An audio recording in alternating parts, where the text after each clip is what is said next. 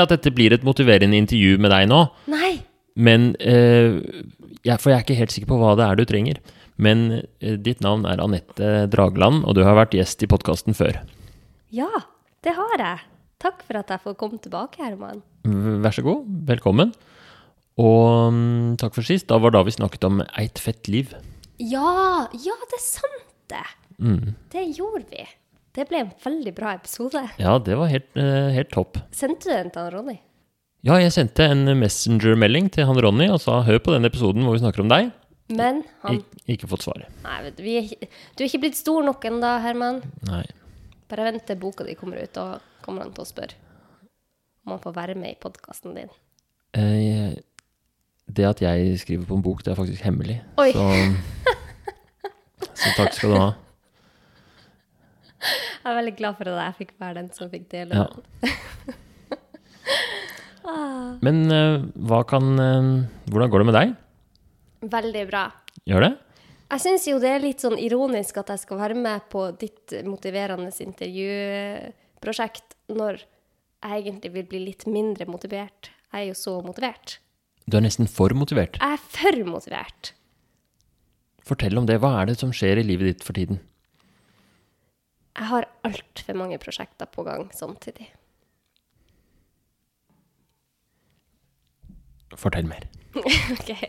Nei, jeg driver podkast. Jeg skriver bok. Jeg jobber på helsestasjon for å få inn litt penger til å gjøre det jeg Så jeg kan gjøre det jeg elsker. Og jeg har to barn som er to og seks år, og en mann. Og jeg har ikke tid til noe. Jeg har så vidt tid til å ja, gjøre det jeg skal. Men da ønsker jeg deg velkommen til dette demotiverende intervjuet. Hvor vi skal få roa deg litt ned. Ja, så bra. Så du lager podkasten 'Leger om livet'. Der har jeg sett at det er en ny sesong på gang, og masse episoder som eh, ligger på vent, og du gjør intervjuer med veldig spennende gjester fra land og strand. Ja!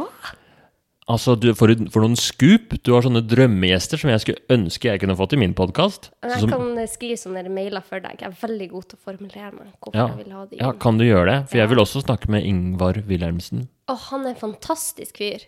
Fy søren. Du skal få e-mailen, og så kan du hilse fra meg. Jeg sendte han en kopp, Gjorde du det? og da ble han sikkert ekstra glad i meg. Er det sånn passiv-aggressiv måte å si at du er litt sur for at ikke du har fått kopp av meg? ja. Ja, det er på tide, Herman, faktisk. Ja. Ok. Eh, så du har den podkasten, og det du sier er at du har for mange prosjekter på gang.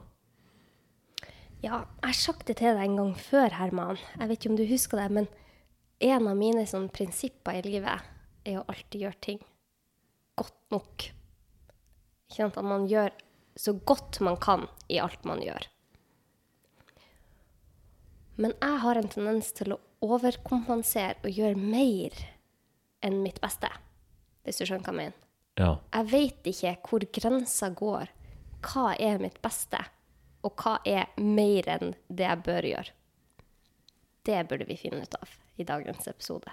Det er det å finne ut av Fordi du syns du gir for mye innsats i hvert enkelt prosjekt? Nei, jeg skulle gjerne gitt enda mer innsats i hvert enkelt prosjekt. Det er bare det at jeg har ikke tid. Ikke? Jeg har ikke tid til å gjøre alt jeg skulle ønske jeg kunne gjøre. Ja. Så jeg må finne ut når er det godt nok. Og det syns jeg er kjempevanskelig. For at jeg er veldig opptatt av å gjøre ting, gjøre mitt beste i alt jeg gjør. Ikke sant? Og om det er å være mor for mine to utrolig flotte gutter, eller drive denne podkasten, eller skrive denne boka. Men jeg har ikke klart å funne ut hvor grensa går fra å gjøre mitt beste til at jeg overkompenserer, hvis du skjønner hva jeg mener. Og den skulle jeg gjerne ha funnet.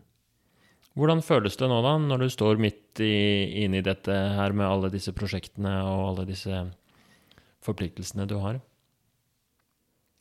Jeg elsker det. Du har det veldig fint. ja! Jeg elsker det, men det eneste problemet er Eller kanskje ikke det er jeg som har så stort problem med det, men min kjære samboer, han syns at eh, at jeg må kunne ta meg tid til å, å gjøre andre ting òg, sånn som å se på TV. Jeg kan jo ikke se på TV. Det har jeg ikke tid til. Å ja, så du får beskjed av din samboer om å se mer på TV, og du har ikke tid til det? Du rekker ikke? Nei da, nå hørtes det litt feil ut, da. Men jeg skjønner hva han mener at Er han bekymra for at du ikke får nok hvile? Ja, det kan være. Er han redd for at du brenner deg ut? Mm, nei, det tror jeg kanskje ikke. For at før så var jeg en sånn person som kunne brenne meg ut.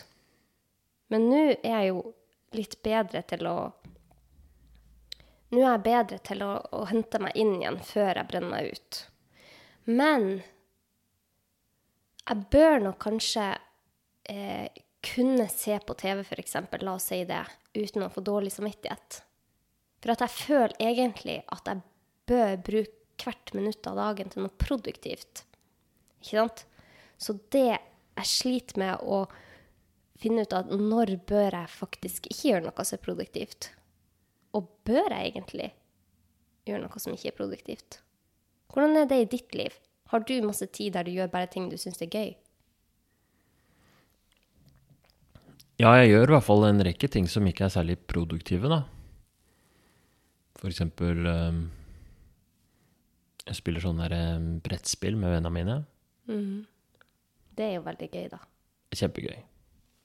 Men ja, det er interessant det derre at um, uh, At du er. Eller det er sånn viktig for deg at tingene er produktive. Eller at tiden du bruker, er produktiv. Kan vi dykke litt i det? Hva det betyr, liksom? Hva er det å være produktiv? For min del da, så har jeg veldig behov for å lære meg nye ting hele tida. Og det har vel kanskje blitt forsterka de siste årene. Men jeg føler alltid at jeg må utvikle meg. Det er sånn jeg blir fornøyd i livet. Hvis jeg ser at jeg utvikler meg og lærer nye ting.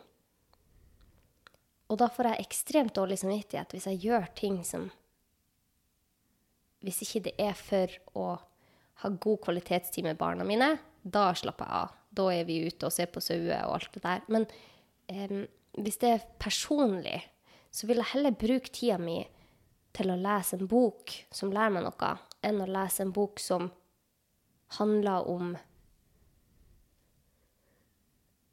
ja, skjønnlitteratur Hva heter det? Skjønn...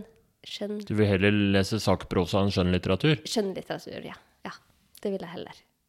Så jeg klarer ikke å Sånn som nå, akkurat nå så tror jeg jeg leser syv bøker samtidig. Så jeg har veldig Jeg har kanskje litt i overkant mye stort behov for å lære nye ting. Men det er jo kanskje bunna i at jeg hele tida tenker på at jeg må gjøre mitt beste. Og jeg føler jo virkelig ikke at jeg gjør mitt beste hvis jeg ser på TV på kvelden. Skjønner du hva jeg mener? Jeg skjønner hva du mener. Jeg kjenner meg litt igjen i den derre um, At uh, For jeg kan også ha sånne perioder hvor, hvor jeg gjør fryktelig mye, og folk rundt meg blir sånn Slapp av litt, da. Hallo, du må jo ta deg litt tid. Ta. Du må jo se litt mer Akkurat den der å få beskjed om å se på TV. Ta det under deg, se en serie. Du kan ikke Ehm, jeg, jeg, vet ikke helt hvor det kommer fra, og så har jeg ikke så behov for å i den perioden se Ja. på noe serie. Men um, det jeg tenker å spørre deg om, er liksom Er det, et, er det noe problem her? For det, det er ikke Det er eh, Det problemet du har kommet med hittil, er jo at uh, din samboer har et problem med at han har et behov for at du Eller han ser noe, men du merker det ikke så godt selv. Ja, altså Det jeg tror problemet er, hvis det er et problem her, så er det det at jeg rett og slett ikke har tid nok.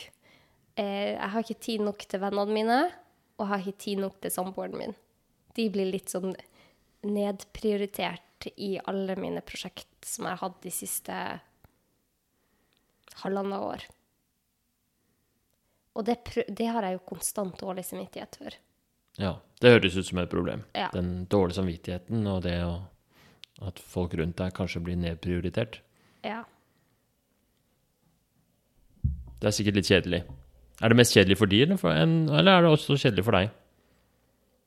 Nei da, det er veldig kjedelig for meg. Jeg har veldig dårlig samvittighet for akkurat det. Men samtidig så er jeg jo i en prosess der jeg har veldig lyst til å få til alle disse tingene jeg gjør, og jeg tenker at jeg må prioritere det i en periode. Så de aller fleste av mine gode venner, de forstår det veldig godt. De hører meg jo på podkasten hver tirsdag. Nei da. Uff. Men hva er det, hva er det som tar hva, Hvor mye tid tar hver enkelt ting?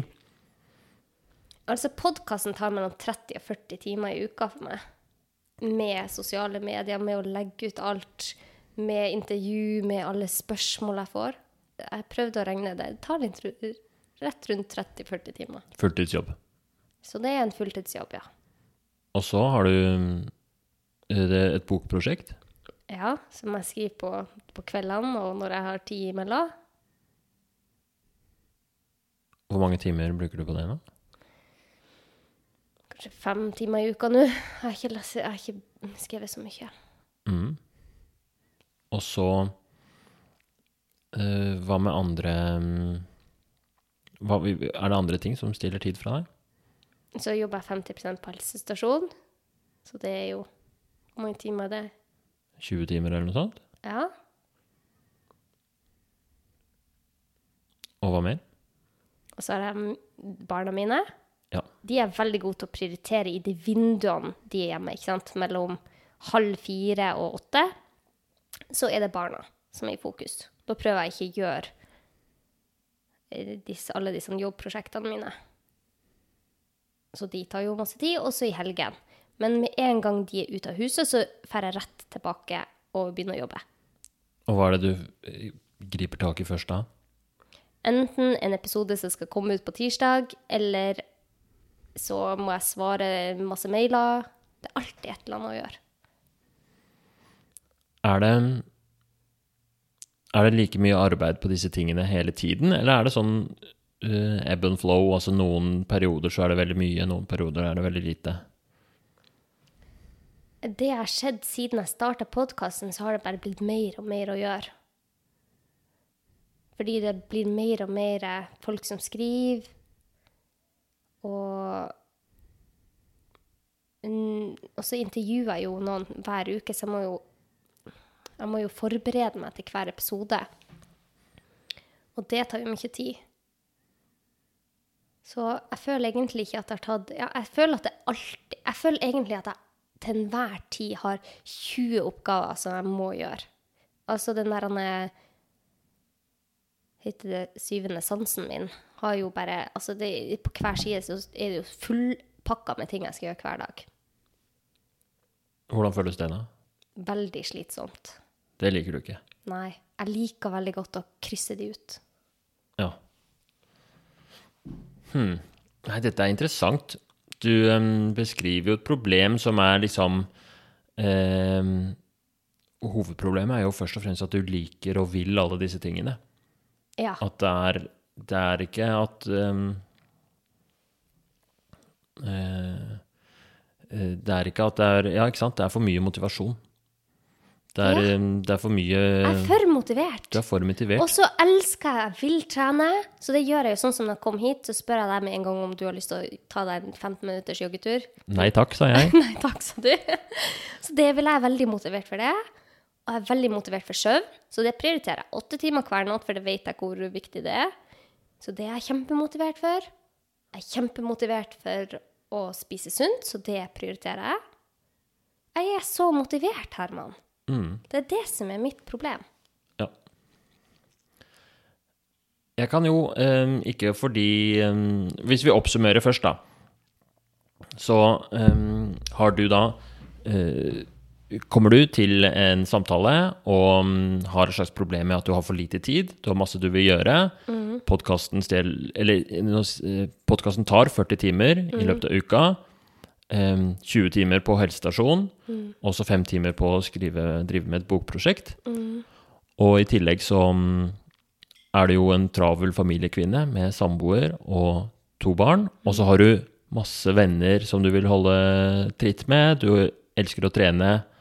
Og mm, det høres ut som et fullstappa liv som er litt sånn på bristepunktet. Det er ikke plass til mer. Nei, det er ikke plass til mer, faktisk. Og det som jo er fint her, er at du virker jo veldig lykkelig. Du gløder jo og gjør ting som uh, mange misunner deg jo, ikke sant? At du driver med ting som du virkelig brenner for og elsker. Um, men du er sånn derre ja-person som, som har så mye trøkk i deg at det kanskje blir litt sånn overveldende, da. Kan hende at dette er et uh, større problem enn du vil innrømme, Ofte. Men- men det kan hende at det ikke er det òg. Men jeg syns det er interessant. Skal jeg fortelle om hvordan jeg gjør det, siden vi er i så utrolig nøyaktig lik situasjon? Ja! Ja, veldig gjerne. Hvordan gjør du det, Herman? Um, fordi jeg har litt annen tilnærming til, um, til podcast, uh, podkasten min. Ok. For jeg bruker ikke 40 timer i uka overhodet. Jeg um, lager podkast i rykk og napp. Og nå skal det sies at jeg tror din strategi er bedre for å få en vellykket podkast. Du har jo holdt på med det mye kortere enn meg og har allerede mange flere lyttere enn meg. Men, men jeg er utrolig allikevel veldig fornøyd med, med min metode. Du har jo veldig mange lyttere av deg, Herman. Herre Jeg har, helt, de som lurer på det, så er det ca. Det blir 1000 eller 2000 lyttere per episode i løpet av de første ukene. Det er kjempebra. Det er kjempefint. Og det er liksom sånn fa ganske faste lyttere, tror jeg. Ja. Hei til dere, hvem nå enn dere er. Men forskjellen um, Så jeg gjør det i rykk og napp. Ja. Så nå um, hadde jeg fulltidsjobb, og så um, i sommer så hadde jeg ferie på et tidspunkt. Og i den ferien så gjorde jeg fulltidsjobb ut av å motivere en intervju, og bare gjorde masse intervjuer, og så sender de ut i en rasende fart nå. Så akkurat nå for tida så har det vært fullt kjør. Er nesten så jeg merker at folk blir litt lei eh, av at det kommer så mye. Men eh, jeg har sett at du har Mm. kom, kommet ut med masse episoder. Ja, så bare slenger jeg ut alle sammen på en gang. Hvorfor gjør du det? Hvorfor tar du ikke det liksom en gang i uka? Nei, men jeg orker ikke å sitte og holde på episoder. Nei. At de ligger, og så kommer det en episode, og så eh, Det er bevisst strategi. Okay. Få det ut, bli ferdig med det. OK. Ikke ha noe sånn backlog. Nei, jeg skjønner. Så, men jeg har måttet bite i det sure eplet, så jeg har ikke lagt ut flere episoder på én dag. Men det er nesten så jeg har lyst til å gjøre det òg. Men vi må jo rekke å høre alle, Herman. Ja, men du har et liv foran deg. Jeg tenker at folk kan lytte til podkastene der når de vil. Det er ikke noe sånn deadline på de, de er tidløse. Ja. Det handler om et konkret problem. Så om eh, Jeg tipper din strategi er veldig i nuet, faktisk. For at du ser jo Netflix og sånn. De sender jo ut alle episodene samtidig. Ja. Jeg tror du er inne på noe der. det, Og det gjør det litt sånn lettere for meg. Og da er det også det at um, For jeg har merka det at hvis jeg har sitter på en uh, episode, og så kommer jeg på ah, jeg kunne jo endra på det, eller jeg kommer på en uke seinere ah, jeg kunne jo sagt det som en sånn Jeg pleier å ha en sånn ettersnakk etterpå. Men målet er liksom å spille inn episoden, spille inn ettersnakker etter, etterpå, og så i samme liksom arbeidsøkt redigere hvis det er noe som skal redigeres, legge på jingle og sende ut. Alt Oi, ferdig. Oi! Det er jo kjempefornuftig. Ja. Ja. Og eh, det bruker veldig lite tid på redigering, og veldig lite tid på å tenke ut sånn, hva skal jeg skrive og sånt noe. Ja. Og så har jeg nå, for første gang egentlig, drivet og reklamert på Instagram. ja. Eh, så det har jeg gjort, da. Du har en veldig morsom Instagram, Herman. Syns du? Jeg flirer meg i hjel hver gang du legger ut noe på feeden din. Ja, faktisk. Jeg fikk en melding i går som jeg skal legge ut. Jeg kan vise deg, så kan, vi, så kan du hjelpe meg å finne en liten caption til den. Ja, Det men var det er du en mester på. Eh, det er en som har sendt meg et bilde, og teksten så sto det eh, Var på nach, tok denne, tatoveringen, angrer. Tror du det er infeksjon? Spørsmålstegn. Nei, å nei. Ja, stakkars. Stakkars. Shout-out til min venninne som har vært på nach. Og Hvor, er, hvor er den? eh, den er på leggen. Ja. Så mm, jeg syns ikke det så ut som det var noe infeksjon, da, i hvert fall. Så det er var jo bra. hvordan mønster var det på den? Det er et lite smiley face. Ja. Men det som er litt synd, er at Jeg fikk jo et bilde òg, men det som er litt synd, er at de øynene kom veldig tett på hverandre. Så det ser ut som det er en syklop. Å, herregud, morsomt. Ja. Men uh, dette her er en veldig uh, kul dame, og hun er sånn som virkelig puller off en sånn uh, på en måte rustikk tatovering på leggen. For hun er, har masse selvironi, er veldig sterk og, og rå, liksom. Så når hun får en eh, så, så hun på en måte gjør det til en eh, Hun får en god historie ut av det, tror jeg. Ja. Så hun trenger ikke å angre. Nei da. Men Og og, hvis hun angrer, så kan man få fjerna det. Ja, det kan man. Har du noe erfaring med det? Eller du som er hudspesialist? Nei, jeg har, jeg har ikke erfaring med å gjøre det selv, for vi gjør jo ikke kosmetiske inngrep på sykehus. Men det finnes mange flinke hudleger som gjør det. Ja, Så da kan hun ta kontakt. interessant. Jeg skal fortelle og, og, og, og si hvordan jeg eh, lager podkasten min, sånn at du, du får noe litt sånn Og det, som sagt, jeg, jeg kan ikke anbefale det. Sannsynligvis så blir det mindre suksess for podkasten med å gjøre det på min måte, men jeg syns det er veldig deilig. Um, så når jeg er litt sånn ferdig med en sesong, Ja. og begynner i en fulltidsjobb igjen, som jeg skal gjøre nå på mandag, Oi, oi, oi. Um, da eh, har ikke jeg noe sånn at det skal komme en episode hver tirsdag. For meg da så kan det godt gå fire måneder til neste. Og jeg sier ikke fra sånn 'nå blir det pause' heller. Jeg bare lar det gå. Tre måneder mellom. Ikke noe problem. Og det som er interessant, er at jeg ser jo på lyttertallene. Det er helt sånn jevne lyttertall i den perioden. Det kommer inn noen som lytter på masse gamle episoder hele veien. Så mm, eh, Så jeg legger det liksom helt fra meg. Og har ikke noe press, ikke noe deadline, ingenting. Og så når som helst, hvis jeg vil, så kan jeg spille inn en episode, og så slenger jeg den ut med en gang. Så det er ikke, selv om jeg på en måte i gåsetegn sier nå er det en ny sesong, nå, fordi det kommer så mange på en gang, så kommer ikke den til å ha noe sånn Å, ja, den slutter der, eller begynner der. Så dette er en helt sånn derre Plutselig kommer det en episode. Ingen plan, ingen struktur. Noen syns sikkert det er irriterende av lytterne, og skulle gjerne hatt Ja, men du får jo de lytterne som passer deg best, vet du. Og, og, Ja, det er som med plantene. ja. Ja, ja, At jeg får de plantene som passer meg best. Så nå, har, nå ser du bak her, det dør monsteraen. Det er, det er jeg veldig lei meg for, men der er det et eller annet gærent. For jeg har vært veldig flink. Jeg har prøvd å vanne den, og jeg pottet den om. Men eh, det må ha skjedd noe i den der potteprosessen. Eh, åh, ja, det var Ja, Men de andre trist. klarer seg veldig fint. Ja, og den planten jeg ga deg, den altså flourish. Den flourish. Ja, den er veldig Den fin. flourish, den planten der. Hva heter det på norsk? Den blomstrer. Den blomstrer. Ja. Nei, men den, den blomstrer jo ikke. Nei, men den eh, har det veldig fint. Ja, den har det veldig fint. Ja. OK, men for min del, Herman, jeg er så glad for at du har funnet din måte å gjøre den på, men jeg liker så godt orden. Jeg må ha orden rundt meg. Sånn hver tirsdag, det, det passer så bra. Det, det føles som Ja, Da får du også litt press for deg. Det gjør deg sannsynligvis mer produktiv. Ja mandagskveldene sitter jeg alltid lenge oppe. Mandagskveldene har blitt min sånn For jeg er jo litt sånn Sånn som kanskje de fleste er, at de Hva det heter At du utsetter til siste liten. det, De verste oppgavene.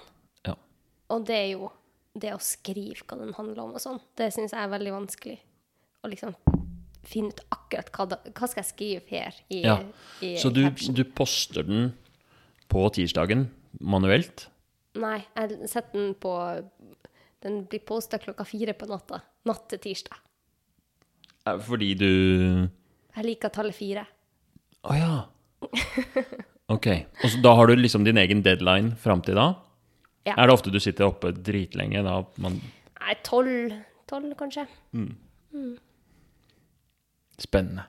Ja, jeg tror det er helt Men, fint at men man jeg skal begynne å gjøre sånn som du gjør, i hvert fall med å, å ta intro og utro med en gang. Mm. Det er kjempelurt. Det er så deilig å bare bli ferdig med. Ja. Det er ikke alltid jeg får det til, da, men noen ganger så får jeg det til. Mm. Og det, da har jeg det så bra. Jeg syns jinglen din er kjempebra. Tusen takk. Hvem som lagde det? Det er laget av et band som heter Banzai Love, hvor min eh, En av mine aller beste venner, Dag von Krogh, Ja.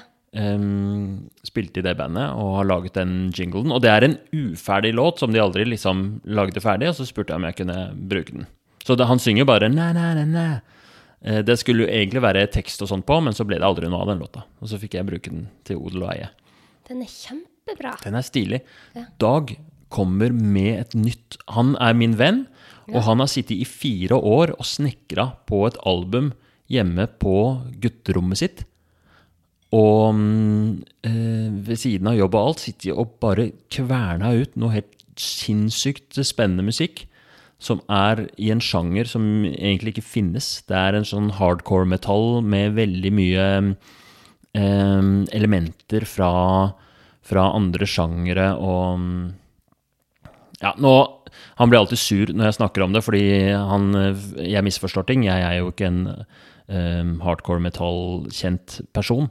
Men eh, jeg har fått høre på det albumet, og det er helt fantastisk. Og det kommer til å komme ut en eller annen gang. Men det er bare å glede seg. Oi, jeg gleder meg, Dag. Jeg gleder meg skikkelig. Hva slags musikk liker du? Eh, kanskje ikke Jeg er ikke helt i heavy metal-kategorien, men det, det kan vokse på meg. Jeg skal høre på den, eh, den I hvert fall én av de sangene. Gjør det. Jeg skal sende deg. Og mm, skal jeg si noe? Jeg har et lite musikkprosjekt på gang selv. Har du det? Ja, Men det kan jeg ikke si noe mer om, for det er, eh, det er faktisk hemmelig. Er du vokalist, eller er du Jeg skal være trommist, eller? Jeg skal um, Jeg kan faktisk ikke si det engang, fordi det vil røpe for mye. Dette er jo kjempestore nyheter. Ja. Her kommer den ene nyheten etter den andre. Men eh, eh, Nok om det. Nå skal jeg fortelle deg om um, hvordan jeg jobbet med bokprosjektgreiene. Ja! Ja. Det også um, tenker jeg at jeg skal ikke skrive en dritt før jeg eventuelt får noe støtte. Så jeg skal søke om støtte nå um, midler til å skrive den, eh, en motiverende intervjubasert bok. ja. Og hvis jeg får det, så skal jeg ha permisjon, og så skal jeg se på det som en sånn fulltidsjobb. Så jeg- Ja, så jeg kommer ikke til å være stressa over at jeg ikke driver og putler og skriver nå litt på kveldene. Ja. Det går, jeg kan godt, Den skal ligge i en skuff i et halvt år, fram til eh, alt er på plass med støtte og permisjon. Så skriver jeg. Det var en kjempegod idé. Men da tenker jeg sånn, tenk hvis jeg ikke får støtte til å skrive den. Da må jeg skrive den på fritida. Ja. Men det er ikke et, det, den tanken har ikke slått deg engang. Det er veldig bra. Så ja, du- fordi jeg tror ikke jeg har det i meg å klare å skrive en bok på fritida. Det er bare det. Så de må liksom hyre meg inn. Ja, jeg skjønner. Nei, men dette blir så spennende, Herman. Det Ja. skal jeg jo gjøre. Så da får jeg litt mer fritid når at jeg kan Hva sa du, det skal du også gjøre? ja, eh, eh, søke om sånn bokstøtte. Ja. Mm. Gjør det? Da får jeg mer tid. Fordi jeg, tenkte, jeg tror at skjønnlitteratur så er det meningen at man skriver på fritida. Sakprosa er det meningen at man skal skrive som jobb. Oi! Skål for den. Skål. Men ble vi ferdig med mitt motiverende, demotiverende intervju? Overhodet ikke. Jeg føler at dette her er mer en sånn um, um, uh, slags uh, støttesamtale. Eh, demotiverende intervju. Vet du, vet du hva forskjellen på støttesamtale og det å motivere en intervju er? Nei. Fordi det er egentlig ganske likt. Ja. Det handler om å bruke veldig mange av de samme ferdighetene. Refleksjoner, sammendrag eller oppsummeringer, åpne spørsmål. Mens i et motiverende intervju så har du liksom et formål å, å, å utforske ambivalens tilknytta en endring. Mens i en støttesamtale så er det mest at du skal eh, lytte og få frem hva er det hva, hva er følelsene egentlig pasienten har. I et demotiverende intervju, det, har jeg, det er noe helt nytt som vi finner opp nå, så der vet jeg ikke hva reglene er. Men hva er det du føler du trenger nå, da? Jeg trenger jo bare rett og slett mer tid. For at når du summerte timene, så skjønte jeg jo at det, det er jo faktisk ganske mange timer i uka. Så det er jo ikke rart at jeg føler egentlig at jeg ikke har nok tid. Så det jeg trenger, er bare mer tid. En ting som jeg syns var interessant, var at du svarer på veldig mye Du sa du bruker mye tid på å svare på spørsmål. Ja. Jeg får veldig masse lytterspørsmål. Hva syns du om det, da? Jeg syns det er litt gøy, og så veldig tidkrevende. Det er interessant. Jeg får aldri spørsmål, nesten. Ja, jeg tror det er menn. Det, altså, jeg tror, ikke, jeg tror det er litt høyere terskel for å spørre menn. Er det sant? Jeg tror du ikke det? Det har jeg aldri tenkt på. Nei, det kan være det. Jeg veit ikke. Men Kanskje det er det? Sånn, sånn At folk tør ikke å spørre menn og spørsmål? nei, nei, det er sikkert ikke bare det. Men jeg husker når jeg og samboeren min begge var fastleger, så fikk jeg stadig vekk spørsmål på kveldstid på mobilen min om forskjellige fastlegeting fra pasientene. Henrik fikk aldri det. Men det kan hende at det er for at jeg på en måte forteller dem å bare ta kontakt. hvis det er Ok, ja. Så det er min egen feil. Men det der har, det motiverende intervjuet har vi hatt allerede, Herman. Jeg er blitt mye bedre til å si nei. Ja, så bra. Mm. Fortell om det, da. Ja. Hvordan har du klart det? Nei, jeg hadde en veldig god prat med deg om at jeg må si nei litt oftere. Så nå har jeg faktisk begynt å si nei oftere. Hvordan Har du et eksempel på en gang du sa nei? Jeg tror det har sklidd litt ut i sommer igjen. Ja, men uh... For at det er sånn, det, det er sånn med en gang jeg har mye å gjøre, jo mer stress jeg har, jo mer hjelpebehov får jeg. Ok. Når du er litt sånn ute av balanse, Ja, så så- faller du tilbake i gamle Men- reflekser og mønstre, ja. Ja, det gjør jeg. Mm. Så jeg falt litt tilbake der. Men en, en, det er også en viktig del av å motivere en intervju, er jo å øke pasientens mestringstillit. Og måten man gjør det på, er å vekke minner om gamle, gode erfaringer med mestring. Så når vi hører om en gang hvor du fikk det til å si nei, liksom, eller at du følte at nå satte jeg en fin grense og fikk eh, skapt meg selv litt mer handlingsrom og tid. Ja, vi ble, inn, vi ble spurt om å dra på hyttetur i sommer. Og da sa jeg nei med en gang. Fordi at jeg har funnet ut at jeg liker ikke å være på hyttetur. Eh, Fordi at eh, jeg, bare, jeg liker ikke at noen andre kan ha eh, At noen andre Nei, jeg liker ikke den følelsen av at jeg er fanga et plass der jeg ikke kan dra ifra når jeg vil. Så det har jeg bare Det sa jeg konsekvent nei til, for at jeg følte virkelig at jeg ikke hadde lyst til det. Jeg kjenner meg så igjen i akkurat det. Gjør du det? Jeg trodde det var bare jeg og min gode venninne som hadde det sånn. Ja, men det er jo et eller annet med sånn hytteturer og, og, og ikke ha muligheten til å stikke av Ja. og være for seg selv og sånn, Ja. er og- litt, eh, litt stress. Ja, og så ikke sove i min egen seng, og så syns jeg det blir litt sånn trangt, liksom. Ja, jeg liker, jeg liker å være i min egen seng med Ja, ha rutiner. Mm. Så det har jeg bare funnet ut at jeg skal bare fortsette å si nei til. Hvordan føles det, da? Og at Det- du har liksom kommet deg Det har skjedd en liten endring, da. At du har liksom i lettere klart å si nei og sette grenser, og fått frigjort tid på den måten. Det føles veldig bra, Herman. Det føles kjempebra. Jeg føler, jeg føler virkelig at det siste året så har jeg blitt mye stødigere i meg selv. Jeg har blitt bedre til å, å sette grenser. Og ja, jeg har det veldig bra med meg selv, egentlig, faktisk. De siste, det siste året så har det bare blitt bedre og bedre. Så det hjelper masse å ha det motiverende intervjuet med deg. Og mamma sa det. Sa jeg det til deg?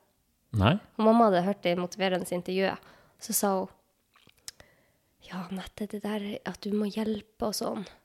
Ja, jeg har det jo, jeg òg, men Å, det er så bra at du har han Herman, i hvert fall. Så kult. Ja, For de som ikke har hørt det første intervjuet, så er det altså på Leger om livet, podkasten. Til Anette. Så har vi en episode hvor jeg gjør et motiverende intervju. ja. Og vi snakker litt om, om teorien og sånn. Så det, det har hjulpet meg veldig at vi fikk klarlagt Hva heter det? da? At vi fikk eh, fått det i hvert fall opp i lyset. At jeg hadde et hjelpebehov, for det visste jeg egentlig ikke før jeg pratet med deg. Og han Henrik, min samboer, er så letta av å høre denne eh, episoden, fordi han har følt Han sier han føler at han litt mer vet hvem jeg er etter å ha hørt den. Han har aldri klart å satt ord på hva det er som han syns er litt slitsomt med meg av og til. Men nå vet han at det er hjelpebehovet mitt. For han sier jo veldig mye lettere nei. Nemlig. Så Mm. interessant. Det var jo veldig hyggelig å høre da, at din mann og din eh, mor eh, var så fornøyd med den episoden. De er så fornøyd med deg, Herman. Får hilse. Jeg har et eh, innspill her nå. Fordi jeg øh, føler at øh, den derre Å svare på alle de spørsmålene, det er noe som er litt tungt for deg. Er det riktig? Ja. Det er, litt, det er noe dritt der. Eller det er noe ambivalens, i hvert fall. Det er veldig ambivalens, for på Mm. et vis så har jeg jo veldig lyst til å hjelpe dem. Du har veldig lyst til å hjelpe dem. Ja. Hvorfor det? Nei, for de skriver mange sånne tunge ting, at de har det vondt, og, og, og jeg blir så utrolig glad av å kunne svare dem og ja, og vise at jeg bryr meg, for det, ja, jeg har vært der selv, og det er fint å bare, men eh, ja, det tar litt tid. Hvordan er det de, Hvilke format er det de ofte kommer i? I sånne um, DM-er på Instagram. DM på Instagram, mest Også på gmailen min. på For i starten av podkasten så sa jeg at dere kunne skrive på gmail, legeromlivet.gmail.com, og nå har jeg slutta med det, for at nå får jeg så mye forespørsler der at det- det kan jeg ikke Ja, du vil ikke ha mer spørsmål, egentlig. Nei, ikke så veldig. Så nå kommer mitt, min hjelperefleks. Jeg får så mye gode ideer og Ja. Ja, det er veldig interessant det der, hvordan det er. Det er sikkert mange som hører på oss som tenker sånn Ja, men hun burde jo bare Et eller annet. Um, hva hadde vært liksom den perfekte hverdag for deg, da? Knytta til akkurat sånn å få spørsmål og Hvordan hadde det vært liksom den perfekte måten å gjøre det på?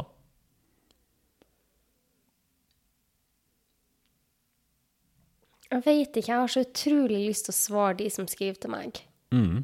For at det er så mange som har det vanskelig, og eh, jeg tenker at hvis ikke jeg svarer de, hvem gjør det da? Og det tar jo ikke så lang tid. Det tar meg ti minutter kanskje hver melding. Er det sånn at når de sender på Instagram, får du beskjed med en gang? Nei, jeg har tatt av notifications. Ja. Når du får meldingen, svarer du med en gang? På Gmail. Og Gmail eller Instagram? Ja, med en gang jeg ser den, så svarer jeg. Da føler jeg at jeg må svare, eller så glemmer jeg det. Ja. Så det på en måte bryter opp dagen din stadig vekk, da, så får du sånn kontekst. Du står midt oppi en oppgave, og så plutselig får du den meldingen, og så må du svare, og så tilbake. Ja, Høres ganske slitsomt ut. det er litt slitsomt. Men det hjulpet å slå av notifications, da. Det kan jeg tenke meg at det var ganske lurt, at du fikk liksom Da får du i hvert fall at du kan ta og åpne det når du har litt tid. Ja. Men av og til så må jeg åpne det for å gjøre et eller annet, og så kommer det to meldinger ikke sant, fra folk som har hørt en episode. Og da må jeg svare der med en gang. Og jeg har jo nettopp hørt ny forskning som viste at hvis du gjør en oppgave, og så skifter du over til en annen oppgave, så tar det hjernen din 5-15 minutter før du klarer å komme tilbake til den forrige oppgaven. Så det er veldig mye tid der jeg bruker som er helt unyttig. Jeg hører at jeg kan batche det her mer. At jeg har liksom én dag i uka jeg svarer de, men hvordan skal jeg klare å finne alle de? For de er jo liksom nedover på Instagram. Jeg har en idé. Ja. Åh, det er så Men jeg har faktisk en kjempegod idé. Ja. Fordi um, Problemet er jo at de er, sant, de er på Instagram, de er på Gmail, og Instagrammen din bruker du jo sikkert til en del andre ting òg. Du får Ja. jo sikkert meldinger fra venner og sånt noe inn der, Ja. og ting som på en måte er fint. Og så har du det at du er redd for å glemme de. Mm. Hvis du bare sier 'jeg skal svare på denne seinere', så står den plutselig som ulest, og så kan du ende opp med å glemme de. Og det vil du i hvert fall ikke sitte igjen med følelsen av at du har sviktet noen, ikke sant? Mm, Så um, Og dette her er bare sånn forslag. Det er ikke ment som å være løsningen, men en sånn utgangspunkt som vi kan brainstorme ut ifra. Men det jeg ser for meg, er at hver gang du får en sånn melding, så skriver du 'takk, supert', jeg har veldig lyst til å svare på denne meldingen', eh, kan du sende den til Og så har du annen, et annet sted hvor kun de meldingene kommer. Ikke sant? For det første så er det deres ansvar. Da må de sende akkurat den samme meldingen og til det stedet. Sånn at hvis de ikke gjør det, så er det greit nok. Det er, tror jeg ikke er det viktigste her. Men da har du liksom f.eks. en egen mailadresse da, som det går til. Og, så, og så svarer du der. Så har du liksom en, en tid i uka hvor du går inn, og så svarer på alle på en gang. Det var kjempelurt. For de trenger ikke å få svar umiddelbart, Du, altså. det var kjempelurt, men det kan bare være den Leger om livet-mailen, fordi at da kan jeg sette den i en egen folder. Ja. Så har du mm, Kanskje det kan frigjøre Jeg vet ikke om det frigjør så veldig mye tid, men jeg tror det frigjør veldig mye energi å slippe å deale med alt. Og måtte slippe alt i hendene og svare på det med en gang. Ja. Veldig bra, Herman. Det skal, det skal jeg faktisk gjøre. Herlig, så bra.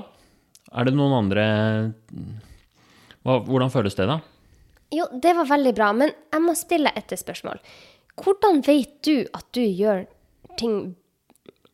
For du, jeg vet at du òg er litt sånn at du ønsker å gjøre ting bra nok. Og at du vil gjøre ditt beste.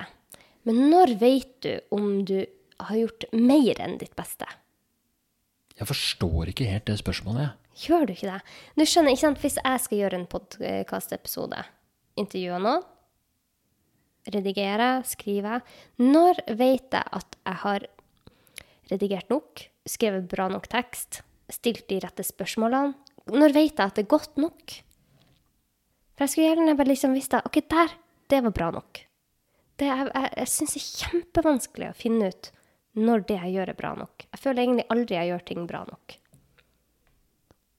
Er det en sånn perfeksjonisme som sniker seg inn, og du tenker liksom Altså eksempel redigere en episode, da. At du tenker at jeg kunne fjernet litt mer ulyder, og Ja. jeg kunne hørt igjennom mer, og Ja, ja, ja, det er jo sikkert denne perfeksjonismen, faktisk. Men når vet jeg at det er den som slår inn? Det er et kjempegodt spørsmål. Hvordan ville du svart på det spørsmålet selv, da? Eh, eh, det, nei, men det er det jeg prøver å finne ut. Så det er det jeg skal finne ut nå. Det er mitt neste prosjekt, faktisk. For at det jeg gjør nå, er at jeg aldri føler at ting er godt nok. Og det er jo en sånn kjent greie kanskje vi Ja. alle har. Det er en sånn um, fryktelig lett følelse å få når man driver og ytrer seg og, og, gjør, og virkelig skal prøve å gjøre noe Uttrykke seg kreativt på en eller annen måte. Ja, Sånn som nå når vi prater, så tenker jeg bare Herman, denne episoden kan du faktisk ikke legge ut. Tenker du det? Hvorfor Ja. det? Det er hvem som syns dette er interessant, å høre om mine problemer. Herre min hatt. Mm, det er mange av gjestene som har litt den følelsen. Ja. Jeg sitter ikke med den følelsen i det hele tatt. Men det som jeg har, eh, skal jeg si, um, og det er nok en gang ikke sikkert eh, er relevant for deg, Ja. men jeg kan bare si min egen erfaring med, med akkurat det. Det er at jeg prøver å tenke at eh, sikter sikte på ternekast fire. Å, herre min hatt. Fire! Ternekast fire. Um, det er en, det er regel som jeg først og fremst har starta med i um, ternekast fire, eller 70% Jeg veksler litt mellom de to. 70 innsats, Jeg likte bedre 80% 80% Snakka vi om det? Nei, men jeg liker litt bedre det tallet. 80 liker du bedre? Ja, for det er et eller annet greie du har med fire, og 80% er dobbelt. Ja, ok. Anyways. Grunnen til det er at Nei, men det er Pareto-prinsippet. Pareto-prinsippet, ja. Kan du det? Ja, det? kan jeg. At 80% av eh, rewarden skjer etter 20% av innsatsen, eller noe sånt noe. Ja. Men ok, hør på Hermans 70 %-regel, da. OK. Men du kan godt kalle det 80% Det er en emosjonell kobling man har. Ja. Poenget er at eh, det starta med, med, eh, med, med i trening. At en, den perfekte treningsøkten er egentlig 70 Det er bedre å ha en 70% innsats treningsøkt enn en 100 treningsinnsats, mm. treningsøkt.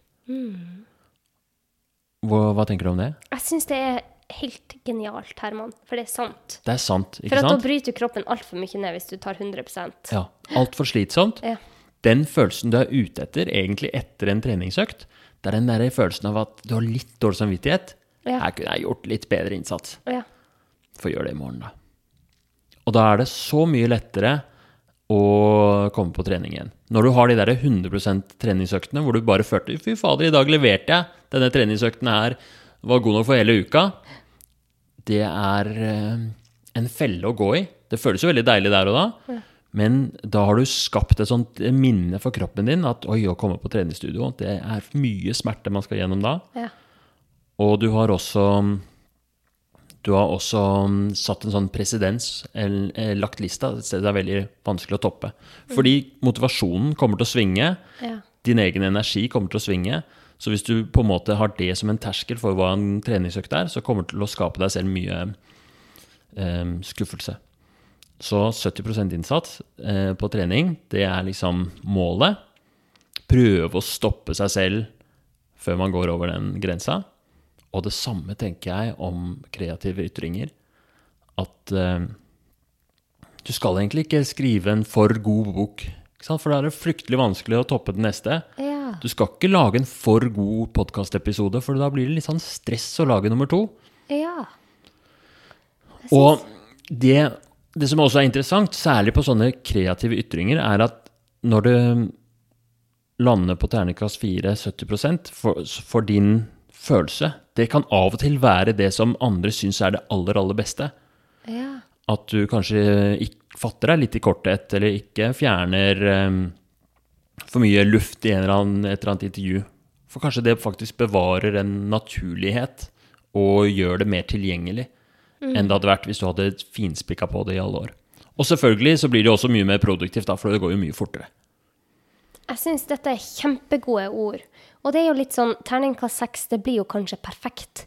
Men hva er egentlig perfeksjonisme? Det er jo bare det er jo bare min tanke. Din tanke om hva som er perfekt, er jo noe helt annet enn min tanke. Så hvis du ikke syns terningkast seks at det var terningkast seks det jeg gjorde som var terningkast seks, så blir det jo veldig vondt for meg. For da har jeg jo virkelig gjort mitt aller, aller beste.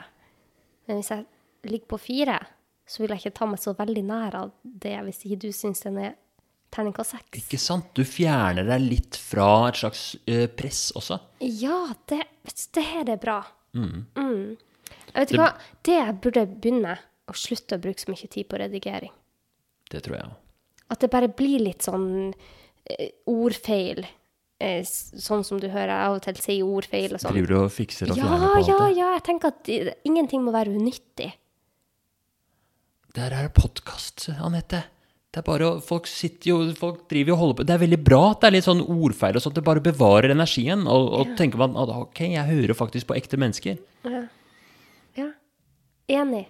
Fantastisk. Det var god, god innsikt du fikk. Nå kommer jeg til å spare masse tid på redigering også. Herregud. Vi må finne noen nye prosjekter i deg, så du får fylt av den der eh, Å, herregud, det er ikke noe problem. Kanskje jeg skal eh, Kanskje jeg skal finne... Det var kødd, faktisk, at du skulle ha nye prosjekter. Er du klar over det? OK, for nå fikk jeg tusen ideer om hva jeg skal gjøre. Ro deg ned. Oi, oi, oi, Herman. Ja, men så bra. Jeg føler jeg fikk masse god innsikt nå. Så fint. Skal vi ta oss og em, sementere det, da, siden vi landa på et veldig godt sted akkurat nå? Ja. Nå skal du male for oss et eh, visualisering, et bilde av deg selv med denne nye innsikten, hva det faktisk betyr. Det kan godt hende at det er litt gjentagende, men det er veldig effektfullt for deg, hvis du ønsker det. ja, men du er jo kjempegod til å male og tegne og sånn. Jeg er kjempedårlig på det. Nei, lydbilde. Altså, du skal bare beskrive, du skal visualisere. Oh, ja. At du, du ser deg for deg en Ja. gang i fremtiden hvor du har liksom satt det du har lært, eller det du har skjønt i denne episoden, eh, ut i liv. Hvordan, hvordan vil den dagen arte seg for deg? Da vil jeg, når jeg intervjuer noen, ikke bry meg om at jeg sier ting feil. Bare ha det med. Bruk veldig kort tid på redigering. Skriv den der innholdsfortegnelsen med en gang etter jeg har laga den. Heller få mye mer tid til å skrive bok. Og tid til min kjære samboer på kvelden. Fantastisk. Ja. Hvordan føles det? Veldig bra. Jeg så for meg den der, når du skriver den der innholdsfortegnelsen, og så blir det liksom litt slurv, og kanskje du glemte en ting dere snakka om. Ja. De kommer til å høre det allikevel. Ja, vet ikke hvem som leser den egentlig. Jeg vet ikke, det er jo, jeg tror den har litt å si for hvem som gidder å høre på. Men, okay. men, eh, men eh, Nå må ikke du sette presset tilbake. Nei, nei, nei. Jeg, jeg, jeg, å, helt riktig. Takk skal du ha. Ingen leser den. Nei, men Den skal fremdeles være bra. Men den Skal skal ikke være terningkast seks hver gang. Skal Ikke være terningkast seks hver gang. Og poenget her er jo ikke at man skal gjøre dårligere arbeid, men man skal frigjøre energi fra de der ubrukelige pirkingen som ingen legger merke til, Ja. til at kanskje det her gjør at du en gang får laget den der virkelige episoden som redder, redder dagen til noen, da, når de hører. Ja, som gjør at folk For den kommer eh, Altså, det er jo en kø av ting man skal gjøre. Eller at den boka blir ferdig, at noen får lest den.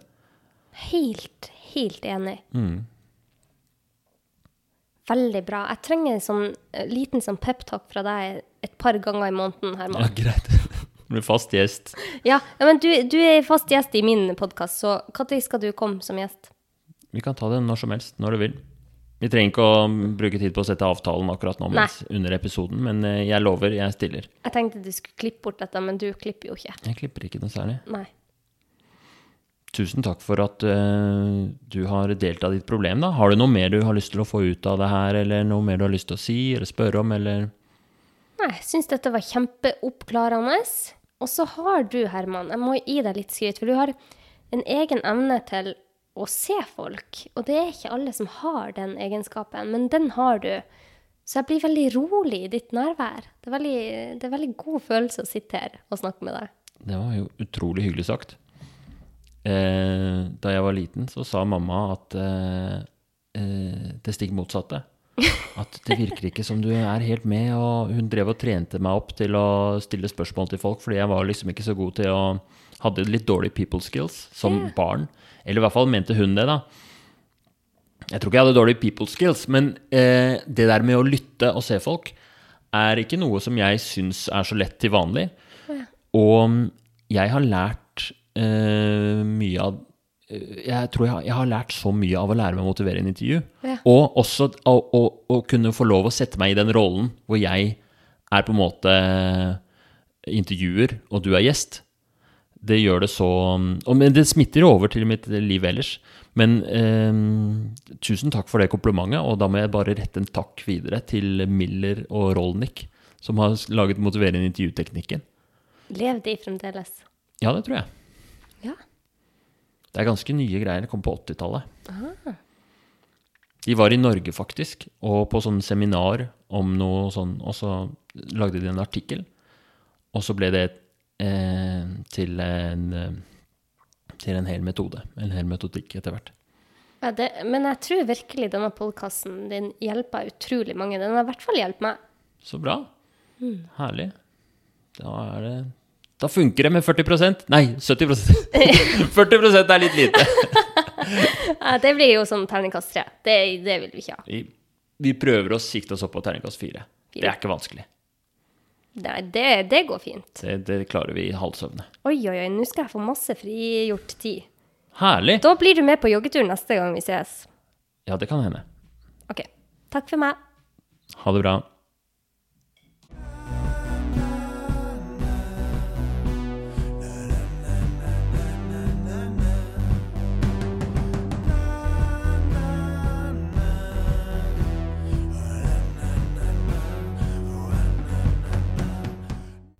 Da er vi ferdig med en ny episode av Motiverende intervju. Denne episoden var jo ikke helt eh, Jeg var ikke helt sikker på Det var ikke planlagt at vi skulle spille inn episode nå, egentlig. Det var bare Vi skulle ta en prat, jeg og Anette, og så um, var hun sånn 'Å, jeg kan ikke da, jeg kan ikke da. Jeg er så stressa for tiden. Jeg har så mye å gjøre.' Og så, men så klarte hun å skvise inn eh, liksom et lite møte, og da tenkte jeg dette her er jo perfekt. Um, og, og ta møtet bare under mikrofonene. Hvis det blir interessant, så kan jeg legge det ut. Og det har jeg veldig lyst til. Men etter samtalen så sa Anette dette her kan du vel ikke legge ut. Det er jo ikke noen som er interessert i å høre på det. Um, hun følte veldig på at uh, hun ikke hadde formidlet noe interessant og sånt noe.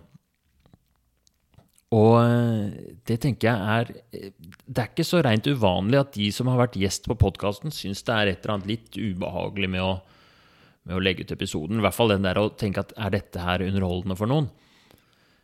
Jeg mener at den største styrken til akkurat uh, denne podkasten her, er jo at det er helt sånn ekte problemstillinger. Vanlige problemstillinger som helt vanlige folk uh, sliter med. Og det krever ganske mye mot å være gjest. Det krever at man er sårbar, at man tør å utlevere seg. Da. Altså, en ting er å være på Fredrik Skavlan eller Lindmo og fortelle at jeg har hatt Det syns jeg er veldig vanlig at kjendiser forteller jeg hadde dette problemet for lenge siden, men nå, har, nå går alt bra. Men å stå liksom i en eller annen problemstilling, selv om den liksom øh, trenger ikke å være så alvorlig, liksom. Men stå i det her og nå, det, det krever ganske mye sånn sårbarhet og, og mot å, å, fortelle om. Og det liker jeg veldig godt, så jeg har lyst til å uh, legge ut denne episoden.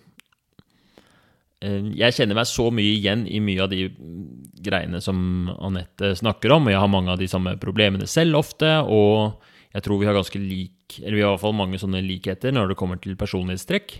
Uh, jeg fortalte en venn av meg, Per, om Anette, bare beskrev henne før hun skulle på podkasten forrige gang. Og så sa han jeg beskrev, ja, det kommer sånn, Hun er så engasjert og eh, lege, men hun syns det er aller gøyest å drive med podkast og, og bla, bla, bla. Og da um, sa Per ja, men det er jo dameversjonen av deg jo, Herman.